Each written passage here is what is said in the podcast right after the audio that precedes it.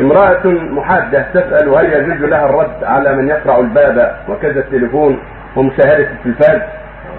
نعم نعم المحادة لها رد كلام باللسان على الباب وكلام على الهاتف ما يكلم لا حرج عليها في ذلك مثل غيرها من النساء.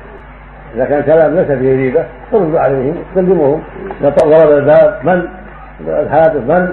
تسأل ماذا يريد وان كان آه، تعرفه سالته عن حاله وعن أولاده وما أشبه ذلك. المحاد تراعي امور خمسة. جاء الشرع ان تراعي امور خمسة المحاده ومتوفى عنها يعني. الأمر الأول تبقى في بيت زوجها. الذي مات في ساكن فيه لأن الرسول أمر البقاء في البيت. إلا من عله مثل البيت يطيح أو مستاجر الابواه ياجرونه أو ما عندها أحد يونسها تخشى على نفسها كفى بالآخرة. أما ما دام البيت في من يؤنسها وهو صالح تبقى في البيت.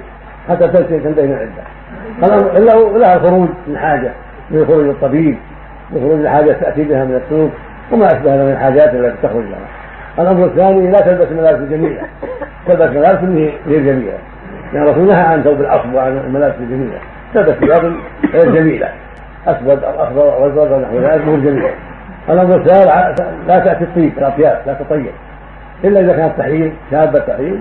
إذا ظهرت من الحي لها أن تستعمل بعض البخور الرابع الحلي لا تلبس الحلي. لا اسوره ولا قلائد ولا خواتم تترك الحلي لأن الرسول نهى عنها.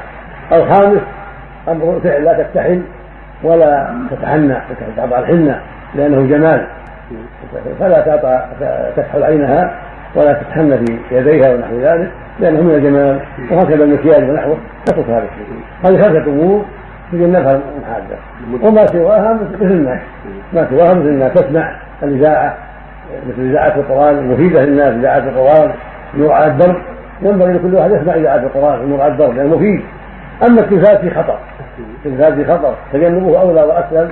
لكن من من سمع شيء طيب يعني اذا القرآن سمعها أو سمع ندوه مفيدة أو سمع أخبار مهمة ولا يضره. لكن يغلق ما عنده عن الأغاني والملاهي والمسلسلات الضاره لا يسمعها ولا ينظر اليها يغلقها.